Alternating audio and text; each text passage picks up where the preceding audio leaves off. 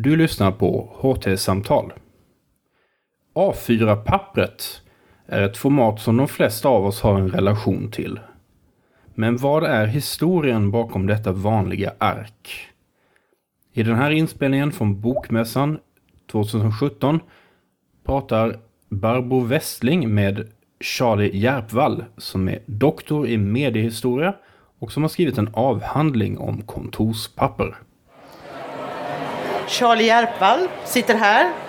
Jag heter Barbro Westling och jag ska föra ett samtal med dig. Ja. Du är mediehistoriker och eh, du vid Lunds universitet förstås och du är författare till avhandlingen Pappersarbete. Det är en bok som är både tankeväckande och eh, vetenskapligt banbrytande skulle jag vilja säga och det har andra sagt också. Eh, just för att den har det här perspektivet. Det handlar nämligen om A4-formatet. Det här alltså. Eh, nu undrar jag till att börja med, varför har A4-pappret varit ett objekt för dig som mediehistoriker? Alltså det, det, har ju många anledningar till det. Dels så inom mediehistoria som vi förstår det så eh, förstår vi medier som en sorts, i en sorts bred mening. Eh, det är alltså inte bara tidningar och radion och tvn utan det är eh, medier som statyer, luftballonger och andra saker. Det vill säga teknologier som på något sätt kan kommunicera saker. Och som sådant är ju A4-pappret ett alldeles lysande exempel eftersom det är, är ju något av de här de vanligaste medieformerna vi har eh, idag för att kommunicera. Och även historiskt har det varit en, ett väldigt dominerande, um, en väldigt dominerande medieform. Men trots det, och kanske på grund av det, så är det också så att pappret har liksom inte blivit speciellt undersökt. Um, um, kontorspapper är ingenting som pappershistoriker till exempel intresserar sig för. De är intresserade av andra typer av papper handgjorda papper, eh, lumppapper, eh, stämplar i papper. Så att det är liksom ett... Min studie finns, finns också i en längd, alltså i en sån, vad man kan säga, en strömning där man är liksom intresserad av de här obetydliga, banala objekten. För precis som allt annat så är de också väldigt betydelsedigra naturligtvis. Var det ett svar på frågan? Ja, det tycker jag. Jag tackar för det. Eh, då undrar jag fortsättningsvis här att det importerades ju A4-pappret på 20-talet, i början på 20-talet i Sverige. Och man kan väl egentligen säga att det åstadkom en revolution, ett systemskifte. Eh, och som alla revolutioner så finns det ju motståndskrafter till en revolution. Det finns progressiva krafter och eh, konservativa krafter som vill behålla det som har varit. Hur såg motståndet och hur såg argumenten ut för och emot A4-pappret när det begav sig? Mm. Flera saker. Eh, dels så var det kanske inte pappret som sådant som importerades utan det var ju liksom idén om pappret. Så den här specifika idén att man skulle vika papper eller man skulle forma papper på det här sättet. Och det lysande med A4-pappret, det här är då en A5. Det är då att eh, det är hälften så stort, eller ett, ett A5 är hälften så stort som ett A4 och så vidare. Och de är då likformiga alla delar i serien. Så det var ett sätt att vika papper som var väldigt specifikt. Det är liksom omtvistat var den här idén kommer ifrån. Men den som har eh, getts så att säga, som anses vara dess upphovsman är en tysk eh, matematiker som heter Walter Postman. Det var egentligen inte han som kom på det här men han var väldigt eh, lyckosam i att Eh, förhandla med den tyska standardiseringsorganisationen så att det blev en standard i Tyskland och sen spreds eh, över hela, rik, eller över hela Tyskland. Sen spreds det vidare ut över Europa. Det finns liksom många anledningar till varför man skulle kunna vara emot det här. En, en av anledningarna är att pappret var ju en väldigt viktig grundläggande form som fanns i kontoren som all, allting var uppbyggt kring. Det vill säga kuvert, möbler, transport, eh, liksom, transportband, eh, hyllor och sånt var liksom anpassade efter andra format. Det vill säga då det traditionella folio och kvartoformatet. Så att ändra pappersstorlek innebär ju, var ju väldigt mycket mer än att bara byta ut papperna. Det vet man ju själv när man ska skriva ut ett papper från ett annat land, till exempel USA, som kommer till skrivaren. Det går, blir kaputt helt enkelt. en annan anledning till varför, man, varför det var ett sånt stort motstånd. Man debatterade den här frågan i ett kvarts sekel, huruvida vilket pappersformat man skulle ha. Det handlar naturligtvis om att Sverige är en pappersproducent av, av rang, en enorm exportör av papper. Så att pappersindustrin var ju en väldigt stark aktör här och de motsatte sig det här eftersom de menade då att det här A4-pappret inte passade deras pappersmaskiner. Så de hade liksom en, det var liksom en kamp kan man säga mellan någon sorts rationalisering av kontorsarbetet å ena sidan och pappersindustrins rationalisering å andra sidan. Där man inte kunde mötas någonstans. Och till slut så lyckades man mötas då efter 25 år. Mm.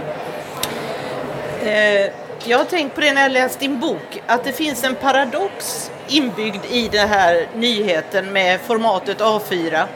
Eh, den var ju tänkt för att rationalisera och effektivisera, skapa överblick och, och eh, ordning och reda på kontoren helt enkelt.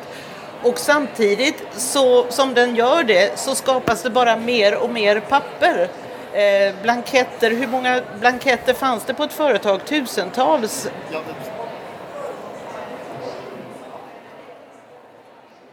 Större företag fanns det eh, många tusentals blanketter um, naturligtvis. Jo, den, ja, förlåt. Ja, just det. Nej, men jag skulle säga den här paradoxen då att samtidigt som någonting skapas för att hantera någonting och begränsa någonting så växer det ut över alla breddar. Mm. Det är paradoxen då. Mm. Ja, men, och det handlar ju om att papper är en informationsteknologi eh, och som väldigt många, alltså, man kan betrakta informationsteknologi på många olika sätt. Men ett sätt är som eh, eh, forskaren, vad heter han nu heter, Müller-Wille och Charmantier, de, de, de hävdar att informationsteknologierna har en besynnerlig dynamik i att varje ny teknik som skapar förutsättningar för att hantera information mer effektivt än tidigare skapar också ett överflöd eftersom om man har mer information så kan man då producera ännu mer information. Där är liksom datorn ett paradexempel. Den är väldigt duktig på att hantera stora mängder information men i förlängningen skapar den också otroliga mängder information som i sin tur blir ett problem som måste hanteras. Så det är liksom en del i den historiska förändringen kan man säga, eller den mediehistoriska förändringen. Men, och det är också ett argument det här med att det skulle skapa ordning. Det var liksom en klar och tydlig idé som man tyckte, ja men den här, kommer, den här idén, när den implementeras så kommer vi få ordning. Det är naturligtvis en eh, Eh, så blir det ju inte i tillvaron. Det är, det är mer komplicerat än så. Och, och man, den här tanken om att det finns för mycket, att det är liksom ett överflöd och ett alldeles för brokigt, den återkommer ju långt senare. Alltså senare på 70-talet när man börjar prata om pappersformaten igen um, så är det, har man liksom samma, man är kvar på samma plats egentligen. Så att säga. Det finns för många olika format, det blir för oredigt, det är för svårt att hantera. Liksom. Så det är ett ständigt problem som vi människor måste brottas med kan man tänka. Mm. Din undersökning börjar ju vid 20-talet och eh, slutar 40 år senare vid 60-talet. Varför slutar den där? Den slutar ju där eftersom det är då liksom datortekniken börjar föras in och börjar kanske inte spridas i så stor utsträckning men den snarare tar över eh, rollen som den, det som potentiellt kan lösa informationsproblemet. Det vill säga problemet med växande information kan lösas med papper fram till någonstans 1960. Sen börjar man direkt diskutera datortekniken, ADB och elektronisk databehandling och så här.